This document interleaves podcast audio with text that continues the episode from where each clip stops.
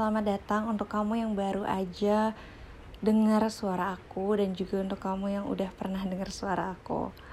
By the way, di rumah aku lagi hujan, jadi mungkin suaranya ke record.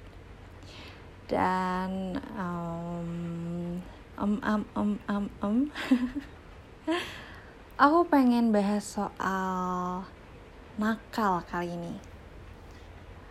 Pernah gak sih kalian denger orang bilang gini nih, sayang banget masa mudanya nakal sia-sia. Sebenarnya nakal itu seperti apa sih? Clubbing, mabok-mabokan, nobat, atau bahkan free sex?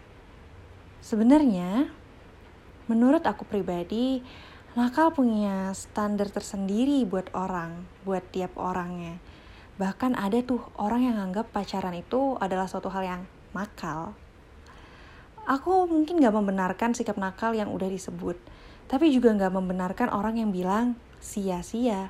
Maksud aku tuh gini, meskipun itu menjadi penyesalan bagi seseorang, tapi belum tentu itu akan menjadi sia-sia. Setidaknya, pasti ada banyak sekali yang jadi ini tuh sebagai pelajaran. Enggak ada yang tahu nih, bisa jadi orang yang kita anggap nakal malah lebih baik dari dari diri kita di mata Tuhan. Enggak ada yang tahu kan? Mungkin, mungkin nih ya maksudnya ngomong sayang banget masa mudanya nakal sia-sia. Itu kayak seandainya jadi yang gak nakal, pasti perfect banget. Manusia itu nggak ada yang sempurna ya. Maksud aku lagi nih, kata-kata seperti sayang banget masa mudanya nakal sia-sia itu tuh kayak toxic banget.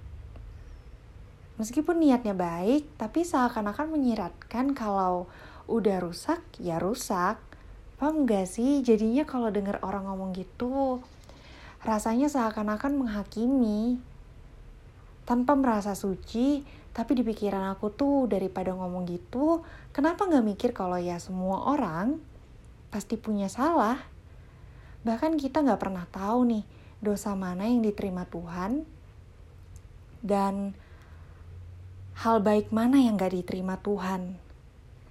Kalau memang ada orang terdekat atau sekitar kita yang masa mudanya bobrok, lebih baik diingetin daripada dihakimi. Dan kalau dia lagi berusaha menjadi lebih baik, udah sepantasnya kita support. Masa lalu ya masa lalu, udah cukup, itu udah selesai.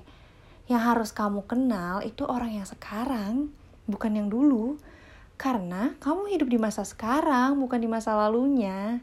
Dan balik lagi nih, pembuktian terbaik dari penyesalan adalah menjadi lebih baik.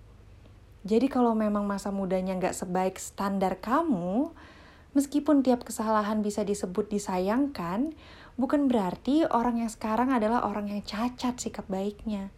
Karena kita semua sama-sama punya salah, cuman kadang gak sadar aja sebesar apa.